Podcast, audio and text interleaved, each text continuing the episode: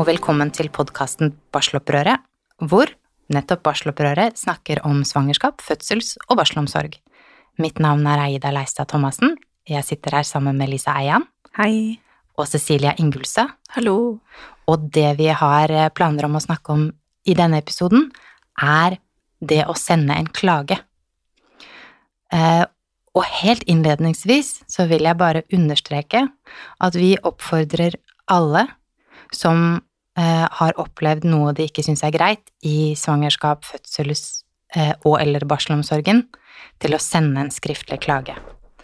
Eh, og det er nettopp dette temaet vi skal snakke om i dag. Jeg kan også nevne innledningsvis at på hjemmesiden vår, barselopprøret.no slash klage, så kan du finne en klageguide og også en klagemal. Eh, og med det sagt, så kan vi vel egentlig starte? Ja, det kan vi gjøre. Eh, Jeg syns, jeg må bare skyte inn, at den klageguiden er veldig nyttig. Fordi det skal vi snakke litt om etterpå, da, med våre egne erfaringer. Eh, Men, eh, eh, men det har jo ikke vært noe sted hvor man kan finne ut av egentlig hvordan man kan klage før eh, i fødselsomsorgen. Det har ikke vært noe oversikt, så den oversikten, den oppfordrer vi alle til å gå inn og se på hvis du har noe å klage på. Mm. Og kan jo nevnes at den oversikten lagde vi også fordi vi opplevde at det ikke sto nok informasjon på verken sykehusene sine hjemmesider eller på Helse-Norge eller egentlig statsforvalteren. Ingen, ingen hadde, Nei, det hadde den litt, informasjonen som trengtes. litt vanskelig å finne fram eh, blant alle instansene. Mm. Men hva er egentlig utgangspunktet her, da, når vi snakker om å klage? Eh, da tenker jeg at vi må bare løfte blikket litt og se litt overordnet på det først. Fordi eh, staten har jo en oppgave i, å gi oss en, eh, en forsvarlig helsetjeneste, helsetilbud. Vi har jo plassert den oppgaven i Norge hos staten. Det meste er offentlig. I hvert fall i fødselsomsorgen. Så det er sånn vi har valgt å organisere det i Norge. Så fødselsomsorg eh, er jo en eh, spesialisthelsetjeneste i det offentlige. Eh, og der vi, har- vi har mange helselover, lovverk og forskrifter osv., men det er da spesialisthelsetjenesten som på en måte, i hvert fall den sykehusbiten da, av fødselsomsorgen, ligger eh, innunder. Og, og spesialisthelsetjenesten, den skal jo da bidra til blant annet eh, å eh, fremme folkehelsen. Det er sånne overordnede mål som vi har i lovverket vårt. Eh, sikre kvalitet i tjenestene, sikre et likeverdig tilbud, ja, videre, da. Så det tenker jeg bare er litt viktig å plassere. Hvor er vi når vi snakker om klage, og hvem er det som har ansvaret? Utgangspunktet er jo at det er staten som skal gi oss den eh, omsorgen og det fødselstilbudet som vi trenger, da. Mm. Vi kan jo legge til Lisa er advokat, så hun kan dette som har med juss å gjøre.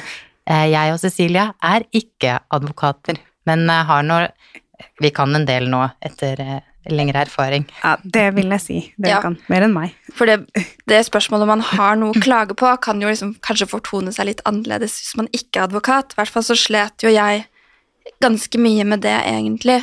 Og i det hele tatt vite liksom, har man, altså, Jeg skjønte ikke engang man hadde noen rettigheter. Det føles veldig rart i dag. Men jeg satt liksom hjemme bare sånn Dette føltes ikke helt bra. Hva har jeg egentlig krav på? Er jeg bare kjempesutrete og kravstor? Um, så jeg vet ikke hvordan, hvordan det var for deg, Aida. Men jeg skjønte egentlig veldig lite. Mm. Nå skal det jo sies, eh, av oss tre som sitter her i dag, så er det to av oss som har sendt klage. Det er Cecilia og jeg. Eh, jeg sendte ikke klage før jeg hadde blitt kjent med Cecilia, og babyen min var ti måneder, for jeg, jeg visste ikke at det var noe man kunne gjøre engang. Eh, så Og nei, jeg tror ikke jeg hadde kommet på heller hvis det ikke hadde vært en i barselgruppen min som var sykepleier, som var bare sånn Det der vi har opplevd, det ville aldri skjedd på min jobb. Dere kan be om innsyn, og dere burde sende klage. Så det var egentlig litt sånn det åpnet seg en vei for meg. Eh, og så snakket jo vi sammen. Um, men det er jo litt interessant, Alice, at Ja. du som er advokat blant oss, ennå ikke har sendt inn klagen din. Jeg har ikke gjort det, men det er mange grunner til det. Det er litt vanskelig å ta tak i det, ikke sant? hvis du opplever ting som ikke er greit. Eh, og det har vi hørt fra andre òg, at det er mange som ikke sender inn klage før lenge etterpå, mange år etterpå. Eh, og jeg har også et utkast som ligger klart, eller i hvert fall nesten klart, som jeg har tenkt til å sende inn en eller annen gang. Men det er over to år siden jeg fikk barn, og jeg har fortsatt ikke gjort det. Så jeg tenker at det er litt viktig å si at det også er normalt. Mm. Eller det må være også helt greit, at du sender klagen lenge etterpå. Ja. Og jeg, jeg opplevde vel egentlig at hele den barselopplevelsen, og ting ble veldig bagatellisert, den opplevelsen. Så når jeg begynte å skulle skrive på klagen, så ble jeg veldig opptatt av rettigheter og lovverk. Og det er også en inngang på en måte man tenker har man noe å klage på, er jo å se hva sier loven, hva sier retningslinjene, og ta litt utgangspunkt i det. For meg føltes det godt å vite at oi, noen andre har sagt at det skal være sånn, det har jeg ikke fått, så dette klager jeg på. Så litt sånn bare si at det er, det er ulike innganger til dette. Det å se på, på rettigheter, det er én vei. Um, men så har vi også snakket litt mye om den på en måte hvis du egentlig har sagt hvis du kommer til klageguiden på vår nettside, da har du utgangspunktet at hvis du leter etter det, så er det vel at du kjenner at noe ikke er helt riktig. Uh, og at tenker det er også viktig å si at man skal stole på den magefølelsen, og at hvis du kjenner at du blir lei deg når du tenker på oppholdet, sint eller at det er noe, så tenker jeg at da har man noe å klage på. Eh, og da må man ikke nødvendigvis heller gå inn og se på rettigheter og vite alt. Det er, det er mange veier inn til dette med å klage. Mm. Um, Det er, det er helt eh, riktig, og som du sier, Cecilie, at, at Altså, ja. Hvis det kjennes som at du har noe som du vil si fra om, så kan du sende den klagen. Og så kan måte, noen andre kan ta vurderingene av måte, ja, om, eh, om det er en sånn type klage eller en sånn type klage, for det finnes jo ulike typer klager og sånn. Men eh, hvis jeg kan få si noe om på en måte den, den første klagen eh, Jeg sendte to. Eh, som jeg sendte, så eh, Jeg var nok ikke like opptatt av, måte, av hvilke rettigheter som var brutt eh, under mitt barselopphold. Det var barsel, det var barsel jeg sendte en klage på. Um, men allikevel den der at jeg trodde virkelig at jeg skulle få jeg trodde, jeg trodde jeg skulle få ammeveiledning, og jeg fikk det ikke. Og det var på en måte en av de, en av de tre tingene som jeg, som jeg trakk fram, og som jeg klagde på. Og egentlig beskrev situasjonen og sa på en måte Det nærmeste jeg kom, var da den og den personen gjorde sånn og sånn, og den og den personen gjorde sånn også. Men eh, jeg kan ikke se at det måte er ammeveiledning i det hele tatt. Nei. Men jeg håper også at litt det at vi snakker, ikke bare vi, da, men at det er mange den siste tiden som har bidratt til å snakke og løfte dette opp, kanskje har gjort det litt lettere for folk å tenke at ja, jeg har noe å klage på, at man kanskje slipper å gå hele den runden med tvil, som jeg tror mange, veldig mange har gjort, eh, og at man kanskje fort, fortere kommer til ok, dette var ikke bra, jeg vil klage, og det, har ikke, det er ikke min skyld, eller at det er jeg som har gjort noe feil, for det kjente jeg også på lenge, at jeg tenkte at det var kanskje jeg som ikke hadde sagt fra ordentlig, og så videre, så jeg håper at den veien inn kanskje er litt lettere. Mm. Um, men så er det jo også sånn på en måte, hvorfor skal man klage? Eh, For noen tenker skriver f.eks. for eksempel at det har gått kjempelang tid, er det noe poeng å klage nå? Eller sånn som jeg opplevde, at du fikk et svar som egentlig bare sier det var synd at du følte det sånn. Mm. Men eh, det er jo mange grunner til å klage, og man kanskje kan det være flere som gjelder deg. Eh, Jeg tenker at Noe som var viktig for meg også, var på en måte at man tar tilbake eierskap til sin egen historie. For det, vi har jo hørt en del om folk som forteller at man kanskje har hatt en fødsel hvor det står når du kommer hjem at alt har vært normalt, og så opplever man ikke at det var sånn i det hele tatt. Eh, og da kan det jo være viktig bare å få sendt inn og skrevet at 'jeg opplevde dette her som veldig vanskelig', eller 'jeg følte meg utrygg'. Eh, og da tenker jeg at hvis det er viktig, så har du jo ikke noe å si om det har gått to, tre eller fire år siden du, du fødte.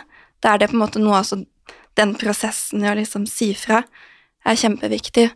Um, så det er i hvert fall én grunn til å klage, tenker jeg, da. Mm.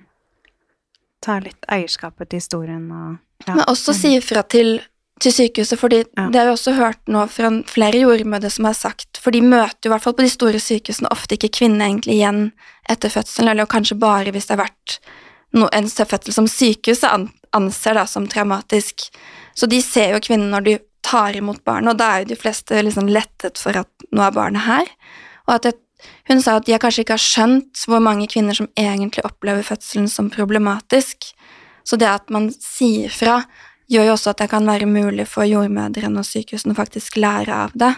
Så det, Det er tenker viktig. jeg er veldig viktig. Ja, det er jo Mm. viktig for For, arbeid med forbedring og Ja, jeg vet de diskuterer vel noe av dette her også. Ja, de får klagene og ser Mm. på dem. i ideell verden så skulle jo denne jordmoren fulgt deg hele veien og møtt deg etterpå, sånn at det er mulig å snakke om fødselen i etterkant, fordi det er jo også forsket på at man ofte anser fødselen sin som på en måte mer positivt da, Ja. rett etterpå, og så endrer det seg litt etter hvert som tiden går. Man kanskje begynner å stille spørsmål til liksom, hvorfor ble egentlig det gjort, og hva var det, og hva var grunnen til at man gjorde sånn. Og det kjenner jeg også igjen. Ja. At rett etterpå tenkte jeg bare woho, dette gikk bra, og Og er så glad for at man har fått Ja, at det har gått bra med seg selv og babyen. Hvis det har Mm. gått bra, da. Mm. Man overlevde. Man overlevde. Mm. Mm. Ja, og det er jo det de ser der og da, så jeg skjønner jo godt at man tenker at oi, alle er glad, dette er fint, dette er vi skikkelig gode på. Ja. Jeg husker jeg takket så mye etterpå. Bare sånn 'Tusen takk for at dere har hjulpet meg med dette.' Men det, ja, det skulle jo på en måte bare mangle at vi har et helsevesen som også er der når du skal føde barn, da. Men Mm. det er den derre Man er så høy på adrenalin, ikke sant, så du er litt sånn veldig høyt oppe rett etterpå. Mm. Man er jo gjerne dopa på enten det, det, ene eller det andre eller alt. Nei da. Um, men si, det som gjør eh, Det som gjør Altså, når vi snakker om å sende inn klager i forbindelse med svangerskap, fødsels- og barselomsorgen, så, så er det på en måte et litt sånn stort og ullent tema, fordi nettopp de derre Altså, hva slags Hva er det vi egentlig har for rettigheter? Når kan vi på en måte komme og slå i bordet med at her ble loven brutt? Og det er jo Altså, vi har jo en egen episode som, som går på det med, med rettigheter, men det er jo i en del tilfeller så er det jo rett og slett brudd på, på rettigheter eller på anbefalinger. Kan ikke du si noe mer om det, Lise? Jo, du vil jo kunne, hvis det har skjedd noe som er brudd på en lov eller forskrift, eller eh, som ikke er faglig forsvarlig etter retningslinjene, så vil du kunne få en konstatering om at her er det skjedd et avvik eh, fra det som er forsvarlig. Så du vil jo kunne få sant, svart på hvitt eh, at du har vært utsatt for eh, ja, feil behandling eller manglende behandling eller et mangelfullt tilbud, da. Så det i seg selv kan jo være eh, fint å få dokumentert, og det kan jo være noe Det skal vi snakke litt om, men eh, man kan bruke senere i en erstatningssak, da. Hvis det er noe som gir grunnlag for erstatning. Så i, på en måte i de til, tilfellene hvor man kan påvise at det var liksom helt tydelig brudd på en eller annen lov, så kan man sende inn en klage, og så kan man få et svar som sier ja, vi bekrefter at dette er Ja. tilfellet, som du da kan bruke som dokumentasjon Ja. ved en senere anledning. Ja, Riktig. Men så er det jo litt vanskelig på en måte at noen av disse sånn myke verdiene, da um, For jeg følte vel litt at Hvis jeg går tilbake til min barselgruppe, at da var det jo hun som oppfordret til å klage, som hadde hatt en veldig, veldig kjip fødsel, og, og hvor hun på en måte også opplevde å få en ordentlig beklagelse fra sykehuset, mens min klage var på en måte ikke alvorlig nok, da, fordi det gikk på ammeveiledning og sånne ting. Um, og jeg bare tenkte sånn, akkurat som det er ikke, det er ikke, det er ikke liksom ille nok da, til at de tar det på alvor, selv om konsekvensene blir jo veldig, veldig store for oss. Um, og så snakket jeg blant annet med det Enhet for amming, det heter nå. Um, Mm. Ja, de som- ja, som gjennomfører den sertifiseringen for mor-barn-vennlig standard. Eh, og de sier at de kjenner ikke til noen klage på ammeveiledning som på en måte har gått liksom, Hvor det virkelig har blitt konstatert på at dette er brudd på retningslinjer eller anbefalinger, men jeg mener at det likevel er det, og at eh, litt den der følelsen at det var bare omsorg, eller de, ikke, de hadde ikke tid nok, er det egentlig ille nok? At her tror jeg vi på en måte bare må gå opp den veien litt.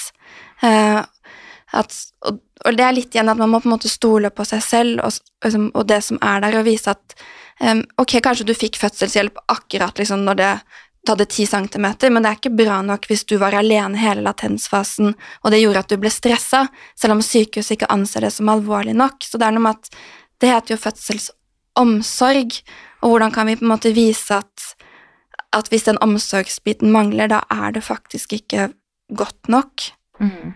Um, Jeg tenker jo at det, det å sende en klage også på de tingene som, som føles feil, eller hvor måte, den omsorgsbiten har vært mangelfull eller ja, dårlig, eller hva det nå er, det er viktig av flere grunner. En av grunnene er nettopp som Cecilia sier, å måtte gå opp den veien og på en måte si noe om hva er det faktisk vi Hva er det vi måtte etterspør? Altså det er noe med å at, eh, at brukernes stemmer, eller at kvinners stemmer, skal høres, og da må vi på en måte ta ordet, og dette er en måte å ta ordet og faktisk eh, gi tilbakemelding til sykehus, for eksempel. Man kan sende klage til helsestasjonen også, altså du kan jo sende klage til fastlegen din, men hvis vi snakker om sykehus, da. Um, en annen grunn som jeg tenker er viktig uh, for å sende klager, er jo nettopp fordi at det er så stor mangel på, på informasjon om hva brukerne egentlig, hvordan brukerne egentlig opplever tilbudet. Hvordan opplever kvinner svangerskap, fødsels- og barselomsorgen? Det vet vi svært lite om, fordi det gjennomføres eh, egentlig ikke noe særlig brukerundersøkelser. Eh, den siste er fra 2018, da er det tall liksom, eh, kvinner som fødte i, i slutten av eh, 2017 som har blitt spurt. Siden har vi ikke noen store landsdekkende undersøkelser. Så dette er også en måte å Altså i mangel på, på systematisk innhenting av brukererfaringer, så er det noe med at da Ja, da får vi sende dem brukererfaringene, da. Mm. Og så kan vi jo ønske skulle ønske at de hadde blitt eh, systematisert på en annen måte enn det jeg nok tror tilfellet er i dag. Men, men jeg tenker at dette her er en måte å faktisk heve stemmen på, da. Uavhengig av om du på en måte at, Om du har en klage som er helt sånn krystallklar lovbrudd, eller en klage som, som egentlig er at du sitter med en dårlig følelse, og du er du, du må bare si det til de som er ansvarlige, eller et eller annet sted imellom.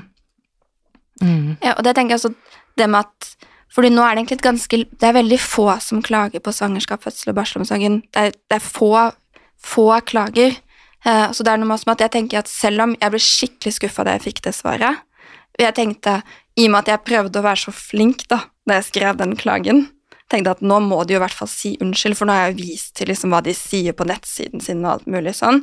Så tenker jeg at i etterkant tenker jeg at likevel så var det viktig fordi det er jo, jo flere vi er som sier fra, det bidrar også på en måte til å tegne av et bilde at, at dette er ikke enkeltsaker. Så, for vi snakket litt på forhånd, skal vi si noe om de svarene vi har fått? Eh, Og jeg tenker at det må vi gjøre, at det kan godt hende at man ikke får det svaret man håper på. Det varierer sikkert også veldig fra sykehus til sykehus, um, men at likevel så tror jeg at det er av betydning. For hvis, hvis vi plutselig er 300 eller 400 eller 500 som sier fram dette det med omsorg eller ammeveiledning, så tror jeg det blir vanskeligere for sykehusene å se bort fra det også. For de bruker jo også manglende klager til å avvise f.eks. kritikk. Eh, Det var jo en, en jordmor som jobber på barselhotellet, som jo gikk ut og sa at de sender hjem folk egentlig altfor tidlig pga. kapasitet. Og i det tilsvaret fra sykehuset da sa de at nei, vi har ikke fått noe klage på det, så det skjer ikke. Mm. Uh, og jeg tenker sånn, Det er jo egentlig veldig drøyt, syns jeg, å si, men det er noe med at jo, men da må vi faktisk si fra, de som har reist hjem eller blitt sendt hjem, om det da er to linjer, og si at jeg dro ikke fordi jeg var klar, men fordi vi måtte. Eh, for det igjen, da, da tar vi tilbake på en måte historien og definisjonsmakten, Mm. og det er kjempeviktig. Det så vi jo måte, gjennomgående under pandemien også. Eh, når sykehusene ble, ble spurt om, om ikke dis, disse restriksjonene var for strenge, så sa de at ja, men vi har ikke fått noen klage på det, og vi opplever at folk eh, eh, mener at det er helt greit, da. Det er det mange som kunne klaget på, som ikke fikk hatt partner. Mm. Ja, for da gikk jo. FHI inn gjennom jeg tror alle helseforetakene og så om det hadde kommet klager. Så så da står det at det at folk har vært ute i media, det teller ikke de med. De viste til antall klager de har fått eh, på sitt i sånn sykehus. Eh, så derfor, derfor teller de på meg. Derfor må man sende de inn som klager også. Og kalle det klage, og måtte gjøre det på den, den liksom formelle måten, da. Så ikke så telles det ikke med. Ja. Det er viktig, så det blir en del av statistikken. Men hvordan eh, hvordan skal man egentlig klage? Det er det mange som lurer på. Eh, hvor skal man begynne? Altså, hvilken form skal man skrive den? Er det noen bestemte krav? Er det noen bestemte ting man skal skrive der, eller ikke skrive? Eh, hvem skal den sendes til? Altså, det er jo veldig mange spørsmål her. Mm. Jeg husker det var akkurat det jeg lurte på da Ja. jeg skulle begynne. Og da ringte jeg en av mine eh, kloke venninner og sa at du, hva, her liksom, hvordan skal jeg gjøre det? Hun bare, jeg er medlem på en Facebook-gruppe med veldig mange bra damer, jeg spør der. Så spurte hun der, jeg spør på vegne av en venninne, hvordan er det? Og da var det flere som også jobbet som leger og sånn, som, som da svarte og sa at nei, klager de kan se ut på så, så veldig mange forskjellige måter, det er på en måte ikke normal, men du må jo på en måte, det er noen ting som er gjennomgående, du må jo på en måte, si hva du klager på, for eksempel. Eh, du bør ikke, Hvem du er. Hvem du er, ikke sant. Det er noe med hvis du vil ha svar, så, så kan du ikke sende inn anonymt. Nei. Eh, for da vet de ikke hvor de skal sende svaret eh, til. Og så er det Det kan være lurt også å skrive på en måte hvem du klager til, da. Hvor var det dette eh, hvor, det, hvor er det dette eh, foregikk? Eh, så, men ikke sant Du kan være relativt vag hvis du, hvis du vil. Du kan si fødeavdelingen, så skal de klare å, å sende, sende til riktig sted. Og så er helst altså Selv om de finner det jo sikkert i journalen, så kan det være greit å skrive når det var, og hvor, eh, og selvfølgelig beskrive hva man klager på.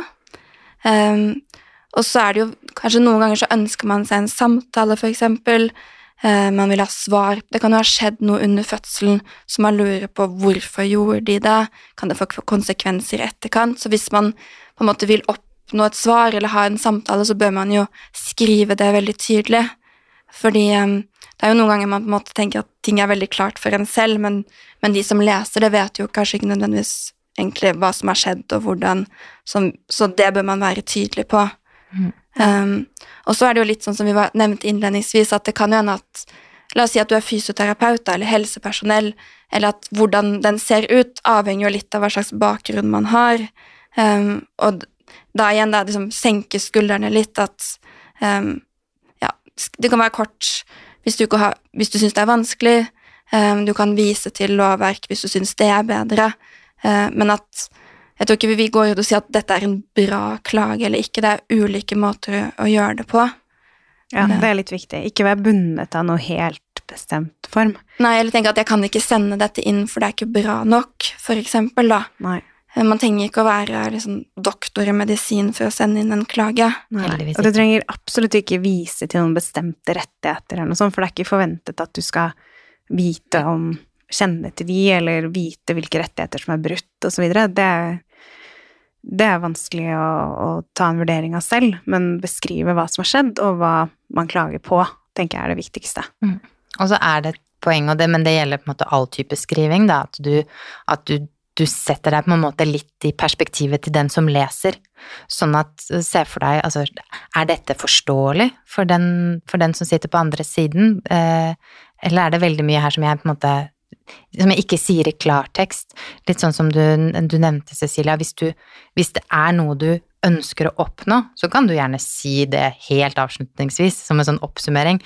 Eh, derfor ber jeg om et møte, og jeg ber om sånn, og jeg ber om sånn, for eksempel, da. Um, men uh, Da vil jeg bare skyte inn at ikke skriv for langt heller, for Nei. hvis du skriver 30 sider, så er det veldig vanskelig å få en forståelse av hva som er essensen i klagen din, for da blir det for mye tekst. Så ikke skriv for mye heller. Nei, og det er nok et, et, viktig, et viktig poeng, og det Altså, nå begynner jeg å bli sånn tekstperson, men eh, det kan nok hende det er lurt å gå gjennom den teksten flere ganger. For det er noe med at ofte Altså, førsteutkastet kan være liksom ganske emosjonelt og i, ja, i det hele tatt, og, og dermed også liksom vanskelig for andre å forstå, fordi man er så inne i sitt eget hode. Så det er noe med å bearbeide den teksten, og for mange så tror jeg det, det er en prosess som tar, som tar en del tid uansett. Og hvis du har noen folk som du stoler på, som kan lese gjennom og på en måte gi tilbakemelding på om de forsto det, var det klart, er det måte, Skjønner de hva du på en måte hvis, hvis du vil noe annet enn å bare fortelle din historie, skjønte de hva du ville? Svarer de på en måte, Kunne de svart på det du spurte om? Mm. Ja, det tenker jeg også er litt viktig, Ida. Og kanskje til og med ikke sant, den som var med deg under fødsel, hvis du hadde med deg noen, da, om de kan lese gjennom også. Jeg tenker, og dette kan jo også være på en måte, Det kan være vanskelig å gå inn i, men jeg tenker det er en viktig prosess også. For noen ganger så hjelper jo det å skrive til at man kanskje forstår Oi, det var egentlig det som var problemet. Um, sånn at, at for seg selv også å skrive seg litt gjennom ting kan, kan være veldig fint. Og så vet jeg også for fra en venninne som syntes det var vanskelig å formidle til partneren sin hva som, hvorfor hun syntes den fødselen var så problematisk, og at da han fikk lese klagen, så sa han da begynte han å gråte, og at, og liksom, at det ble egentlig et veldig sånn fint sånn øyeblikk for dem, da, hvor han også fikk mulighet til å få litt innsikt. Så jeg tenker en klage kan jo også være en litt sånn terapeutisk prosess Mm. for noen. Um, Og det er jo jeg tenker, for, altså, jeg tenker litt at det er også en, et viktig aspekt ved det å, å sende en klage. Og eh, selv om man da skulle på en måte egentlig i gåseøyne ikke hatt noe å klage på fordi det er ingen lov som har brutt, du fikk bare dårlig Du bare ble ikke behandla som, som var bra for deg, eh, så er det noe med at eh, det skal være plass til det også. mm. Og det er en tilbakemelding som også er viktig. Og så kan det hende at La oss si at du ikke har noen du vil i din nære omgangskrets som du vil dele det med. Det kan jo også hende at det kanskje er for personlig, eller ting man ikke Ja. Så, og da går det an å ta kontakt med pasient- og brukerombudet. Eller det kan man egentlig gjøre uansett, også hvis det er noen du kjenner som har lest det. Eh, For de kan både lese gjennom klagene, de kan komme med tilbakemelding akkurat på det du sier, er det tydelig hva du vil, blir det forstått, osv. Um, og jeg opplevde også at um, jeg skjønte på en måte jeg skulle klage til sykehuset, men for meg var helsestasjonen litt mer sånn diffust. Um, for det sto ikke noe om klageadgang på nettsidene deres, og jeg syntes det var mer ubehagelig også, for det er et sted man skal tilbake til. Um, men hun jeg hadde kontakt med pasientombudet, hun, hun ringte meg faktisk opp igjen og sa at jeg vet at veldig mange av dere, ikke, det var under pandemien, ikke har fått det tilbudet dere skal på helsestasjonen, og at det kan være fint å sende en, en, en tilbakemelding eller klage til dem, og forklarte meg litt hvordan man skulle gjøre det. Så jeg opplevde egentlig den kontakten som veldig fin. Um, og de kan også, hvis du setter dem i kopi da når du sender inn klagen, så kan de også purre på sykehuset hvis ikke du får svar i tide, og de kan lese gjennom det svaret du får. Så det er en, en fin støtte å ha i tillegg, tenker jeg. Mm. Ja, det er viktig at du sier at, at folk vet at det finnes, at det er et tilbud. Mm. For man føler seg jo Man er jo veldig liten i forhold til dette liksom store maskineriet på en måte på sykehuset. Ja. Eh, eller i møte med helsestasjonen, hvordan man jo på en måte er en sånn Du skal tilbake dit, og det kan være vanskelig å klage og tenke at liksom, Blir det vanskelig for meg nå? Altså, altså alle de tankene man har, da. For jeg trodde på en måte at folk kom til å bli sinte på meg hvis jeg klagde. Mm. Jeg vet ikke, Er det noen av dere som har tenkt på det? Det, vet du, det vet jeg ikke helt. Eh, Jeg husker ikke helt. Nei, men det- Jeg har jo ikke klagd ennå, men eh, jeg kan jo tenke meg at man eh, kan få den følelsen. Som hva skjer hvis jeg skal tilbake hit? Hva skjer hvis jeg skal føde her en gang til? Går alle rundt og vet at jeg har klagd? og Man kan jo få en sånn følelse, men det skal jo ikke ha noe å si, for det Nå tenker jeg egentlig, nå tenker jeg tvert imot. At hvis man har klagd Mm. og sagt fra, så er jo sjansen for at man blir tatt med på alvor neste gang, Mm. og satt i grensene, tenker jeg egentlig er en veldig, veldig fin ting. Eh, Men det vet jeg nå. Da jeg satt der, tenkte jeg at Jeg vet ikke helt hva jeg tenkte, men at jeg kom til å havne på en slags svarteliste eller et eller annet sånt. Ja. rare greier. Men det her kan jo ha en side til også, hvis man skal inn og føde igjen, da. At man skriver at man har opplevd noe før som ikke var greit. Sånn at eh, de som skal møte deg da, vet det, Mm. og kanskje er litt ekstra obs på det, da. Ja, jeg tenker det er kjempefint. Men alle disse følelsene rundt kan jo noen gang gjøre det vanskelig å klage, fordi man kanskje ikke har vært i en sånn situasjon før, man kjenner ikke helsevesenet. Eh, Og det er jo litt derfor vi har den episoden, kanskje for å på en måte forklare litt, ta bort noen av de tingene man kan frykte som egentlig ikke er så mye å være redd for. Mm, ja, lett for oss å si på den andre siden. Mm. Men en av de tingene som, som jeg også eh, Som jeg husker var på en måte grunnlaget for at vi lagde den klageguiden som ligger på nettsiden vår nå, var fordi at eh, jeg husker vi fikk en melding fra ei som fortalte at hun hadde født på Haukeland, og spurte hvordan hun skulle klage.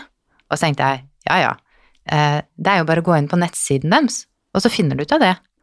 Fordi på nettsiden til Ullevål så står det faktisk hvor du skal klage, og da må du sende brev til direktørens stab.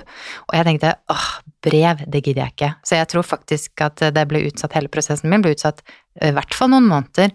At jeg måtte kjøpe frimerke. Ja, og konvolutt, hvis man Ja. ikke har det. Mm, Ja, ikke sant. eh, det hadde jeg faktisk. Så da var det bare Bare frimerke. Men uh, og så liksom sende til direktørens stab, tenkte jeg sånn, hvem er det som Det syns jeg også var skummelt. ja. Ja, det er litt skummelt. Ja. Jeg tror ikke direktøren leser alle. Det burde han, men jeg tror ikke han gjør det. Men det som er poenget, var at eh, så gikk jeg inn på, på nettsidene til Helse Bergen og bare sånn Jeg finner det ikke. Nei. Jeg skjønner ikke hvor Altså, hallo, liksom. Hvor skal man sende en klage? Så da ble jeg detektiv og eh, gikk inn på alle helseforetakene sine nettsider for å finne ut om jeg fant ut hvordan jeg skulle klage. Det var det veldig få som hadde noe særlig informasjon om. Eh, så det ender egentlig med at eh, du kan sende det til den vanlige postadressen Ja. til helseforetakene, men jeg måtte dobbeltsjekke med pasient- og brukerombudet i alle fylker. Eh, for å sjekke og eh, på en måte bemerke at her var det litt dårlig informasjon, gitt. Ja. Men, eh, men vi har samla adressene på nettsiden vår også, så der kan du på en måte finne ditt sykehus og så klikke deg inn. Men noen har digital løsning. Noen ytterst få har digital løsning. Eh, det er ikke veldig mange. Um, Jeg sjekket i dag, og det var i hvert fall ti eh, helseforetak i Helse Sør-Øst som har en sånn digital eh, tjeneste nå, da, hvor du kan logge deg inn og, Ja. og sende. Men for eksempel, nå har jeg ikke, jeg sjekka ikke i dag, men, men uh, uh, sist gang jeg var inne og sjekka den som er til Ullevål, for eksempel, så er det egentlig bare Da kan du egentlig bare sende rettighetsklage. Ja. Uh, og da Mange av de klagene Altså, den klagen jeg sendte, vil kanskje ikke, eller kanskje, karakteriseres som en rettighetsklage. Um, så det er jo, jeg tenker det er jo litt uheldig at, eh, at de innskrenker det på den måten. Ja, det var litt noe med formuleringene i det skjemaet. Mm. Men så var det en rute der hvor du også kan skrive inn en fri tekst. Så Mm. Men var det ikke noen sted hvor de også sa 'klag så fort som mulig', eller innen en viss tidsbegrensning? For det er jo et spørsmål vi får ofte, er det for sent å klage?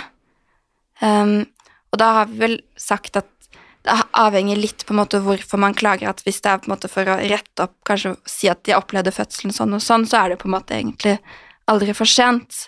Men hvis du klager på en person eller på rutiner, så er det jo at hvis det har gått veldig lang tid, så er det ikke sikkert den personen er der lenger, eller at man har endret rutinene. Eh, Og da husker jeg ikke, var det noen som sa en viss sånn det, Var det innen tre år, eller? Jeg innbiller meg at jeg hørte ja, det er sånn for, tre og fem. alminnelig foreldelsesfrist, da. Ja. I hvert fall hvis du har et erstatningskrav, for eksempel, da, så bør du jo Altså, jeg tror ikke folk tenker at sånn, å nei, har det gått mer enn det, så kan man ikke klage, men det er noe med at kanskje hvis det nettopp var kanskje en person på sykehuset som gjorde noe som ikke var greit, det kan, kan være greit å få sendt ut. Ja. Ja. Før vedkommende slutter, og man endrer rutiner osv. Men det er, nok, det er nok en del sånn standardformuleringer som ligger på sykehusets hjemmeside, som, som på en måte ikke passer så godt på, på svangerskap, fødsels- og barselomsorgen. For er typ, du kan jo eksempel klage hvis du på en måte egentlig skulle fått en type behandling, og så fikk du avslag på å få den behandlingen, så kan du klage. Og da burde du jo klage innen eh, x antall uker, eller hva den er som står. Men det blir på en måte litt sånn Det er ikke alltid at svangerskap, fødsels- og barselomsorgsklager Mm. passer inn i, eh, i eh, på en måte formaliseringen av, av klager, da, sånn som de er, og som Nei. jo er litt sånn ullent landskap for meg, må jeg så, så ikke innrømme. liksom lar det skremme bort, da, hvis Nei. det på det sykehuset du vil klage på står et eller annet om at det skal være så fort som mulig, eller innen et eller annet viss tid. Mm. Tenker Det er også litt uheldig at det står hvis det gjør at folk tenker at å, men nå er det for sent Mm. for meg å klage, fordi man har jo en liten baby, det ligger jo litt i sakens natur at man kanskje ikke klarer å skrive den klagen med en gang, da. Men kan jo bare um, En del Altså Noen spør jo om man kan sende klage på e-post, og det kan man i prinsippet egentlig gjøre, men e-post er ikke sikkert, så det er noe med å sende personopplysninger per e-post, det er jo ikke anbefalt. Og derfor er det ofte at man ikke anbefaler å sende klagen sin på e-post til sykehuset, men det kan man egentlig gjøre, og i den grad vi har fått svar fra helseforetakene om hvorvidt de behandles på samme måte som klager som kommer i brevsform, eh, så sier de at eh, ja, det gjør de, men hvis de skal svare med noe med personopplysninger, så kan de jo ikke svare per e-post, ikke sant. Mm. Um, ja. Ja, det er riktig. Og nå har vi jo sagt det indirekte, da, men det er jo et naturlig sted å starte hvis, det er, hvis du skal klage på fødselsomsorgen eller barselomsorgen på eh, sykehuset, at du sender klagen til sykehuset. Um, det er også litt sånn mange lurer på hvor skal vi sende klagen. Men nå har vi jo sagt det indirekte når vi har snakket om klage til sykehus, at man kan begynne med å klage dit. Um, Eller til eh, helsestasjonen hvis du vil klage dit. ja, ikke sant? Og, og da bør man sette i hvert fall hvis du bor i Oslo, da, så bør du sette noen som Det ligger på nettsiden man skal ikke gå i så detalj, men at man bør sette noen som jobber i bydel, f.eks. bydelsoverlegen i kopi, eller en kommune også, noen ansvarlig der, sånn at den klagen blir fulgt opp ordentlig. Det var det rådet i hvert fall jeg fikk. Det er lurt å Noen som er høyere oppe i hierarkiet, det er alltid lurt å få dem til å følge Ja. med. Hihi. Og så kan vi jo snakke litt om statsforvalteren også, men jeg bare tenkte jeg skulle nevne at hvorfor det er lurt å også sende den til pasient- og brukerombudet. Det er jo fordi de samler jo på en måte også opp klagene og kan se om er det, noe, er det et sykehus som på en måte utpeker seg negativt her. Og da kan de opprette noe som heter systemsak, eh, som annet ble gjort mot Ullevål sykehus i forbindelse med pandemien, hvor de på en måte ber om et møte med sykehuset og si at nå har vi fått inn mange klager som gjelder det samme, dette må dere gjøre noe med. Eh, Jeg vet ikke hvor effektivt det er, men det er i hvert fall noen der som fører statistikk, og som kan si noe om så og så mange klager kom i fjor, nå har klagene økt. Jeg tenker det er viktig at de også får en kopi av klagen. Ja, det er viktig. Men ja, um, som du nevnte, statsforvalteren, det er jo et annet sted man kan sende klagen sin. Og statsforvalteren er jo da en, eh, både et klageorgan og en tilsynsmyndighet for eh, helse, eh, helsevesenet og helse- og omsorgstjenester. Så det vil si at du kan sende klagen din dit, og så vurderer de på hvilken måte den skal følges opp. Og i de mest alvorlige tilfellene så kan de også varsle Helsetilsynet, da, direkte. Um, og jeg tenker at det er veldig fint at vi har den tilsynsmyndigheten der, som kan gå inn og, og vurdere hva som har skjedd, innhente flere opplysninger, eh, innhente uttalelser fra sykehuset eventuelt, altså vurdere saken din, og vurdere eh, hva som har skjedd, og eventuelt også om det har vært brudd på noen rettigheter, da, sånn at du får det svart på hvitt. Mm.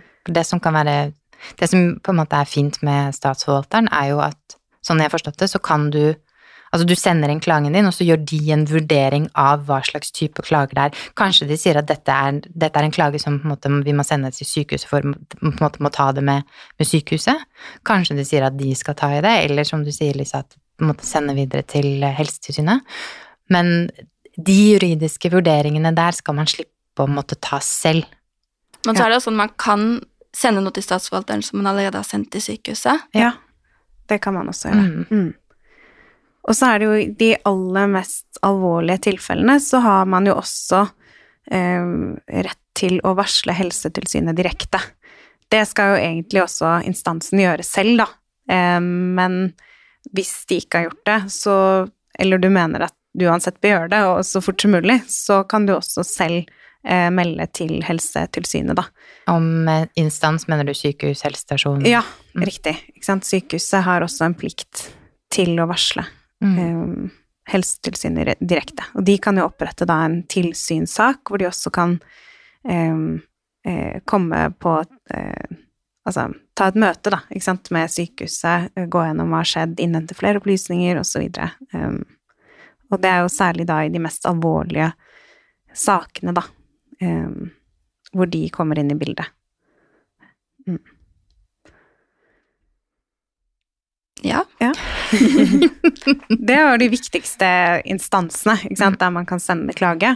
Eh, og så har vi jo vært litt inne på dette med erstatning, for vi nevnte i stad hvorfor er det viktig å, å kanskje få konstatert brudd på rettighetene dine. Da? Eh, for vi har noe som heter Norsk pasientskadeerstatning, som er en instans som eh, en statlig etat som behandler da erstatningskrav fra eh, pasienter og brukere.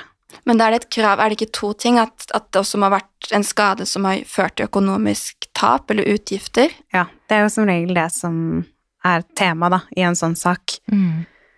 Uh, og, og det er det jo noen som gjør, hvis det har vært uh, alvorlige hendelser som har gjort at man har fått en skade og, og et økonomisk tap, da. Så, så det er også et sted som kan gi litt råd og veiledning også, i forbindelse med det å sende inn en sak eh, dit, da. Mm. Og hvis det er store saker, alvorlige saker, så er det mange som bruker advokat også for å sende inn en sånn eh, erstatningssak dit, da. Mm. Og det kan ta ganske lang tid å behandle en sånn sak. Det er liksom ikke gjort på en uke. Det, de skal innhente mer informasjon, og ja, det er jo ikke sånn at man alltid har tilgang på alle journaler, så da får de fullmakt til å innhente fra forskjellige steder, og ja, så det kan ta ganske lang tid, da. Men eh, det er jo også litt viktig å nevne når vi snakker om klage, at vi har den ordningen med Norsk eh, pasientskadeerstatning. Mm. Vi har jo ikke omtalt det noe særlig i den klageguiden vår, men vi linker videre. Og der finner man i hvert fall en hel del informasjon om det er nok informasjon man trenger. Det vet jeg ikke, for jeg har ikke prøvd å klage selv.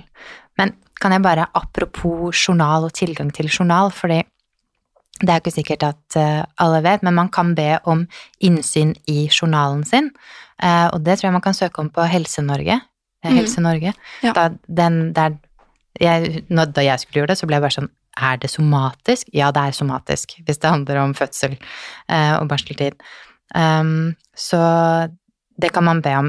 Jeg vil også legge til at det kan være lurt å si at man også skal ha alle pleienotater. Det vil si ikke bare på en måte den rene journalen, men alle Dette kan jeg ikke nok om, men alle de tilleggstingene som står. Det Ja, for jeg opplevde at det spesif- spesifiserte fødsel- og barselomsorgen, men jeg fikk ikke noen papirer fra barsel. Eh, og da sa de ikke de kunne printe det ut, og de måtte komme og se dem på skjermen der. Det var veldig rart, alt sammen.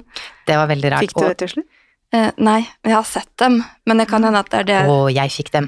Fordi de har- ja. Så det kan hende at man må gå noen runder, da. Ikke Ja. Eller så kan du gjøre som meg, send en klage til, og be om å klage på manglende innsyn. Ikke sant? Um, men for, for min del, så jeg klagde jo på ammeveiledning, og så får jeg svar, det står i journalen din at du har fått ammeveiledning som sånn og sånn og sånn. Jeg var sånn, nei, dette står ikke i journalen min, jeg mangler noen papirer. Så jeg ringte og ble sendt på en sånn lang runde rundt, men endte opp med å, i samråd med pasient- og brukerombudet, å sende en klage på manglende innsyn, og be om å få utskrift. Så jeg har fått utskrift. Og da fikk du alt? jeg har fått, og om det er alt, det vet jeg ikke, men jeg fikk i hvert fall det, de dokumentene der. Ja, Eh, ikke sant? Det er jo bra. Det er litt veldig forskjellig praksis. Ja, Da kan jo hende at nestemann faktisk får det. Så jeg tenker, alt vi gjør, på en måte er jo med å kanskje gjøre det litt enklere for de som kommer etter oss. Mm. Så jeg håper ikke at folk på en måte er blitt skremt av det vi har sagt nå, til å la være å klage. Nei, Nei. det håper jeg ikke. Jeg vil bare legge til helt på slutten, så vi har nevnt det, eh, at vi også har det som heter Sivilombudet, eh, hvor man kan klage på da eh, forvaltningens eh, behandling.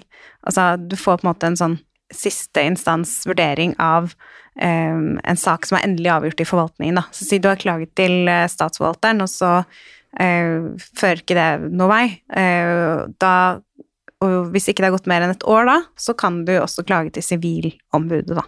Mm. Bare så det er sagt. Og det er sånn, sånn gratisordning, og du finner masse informasjon på nettsidene til Sivilombudet.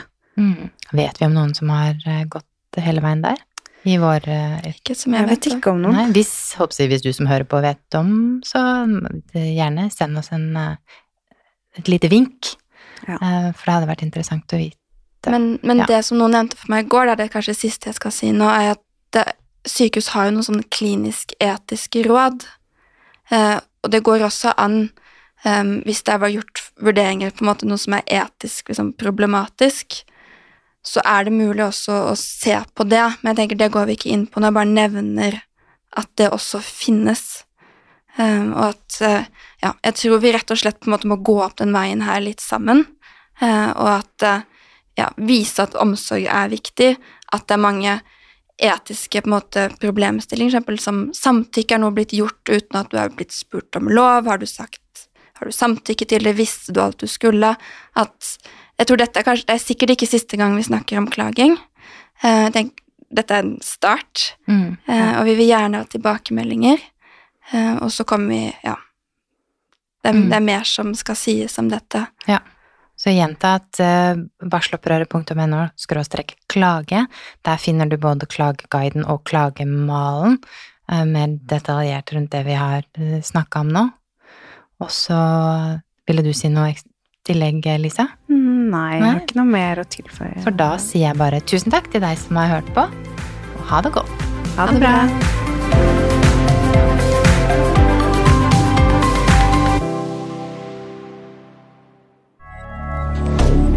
Moderne media.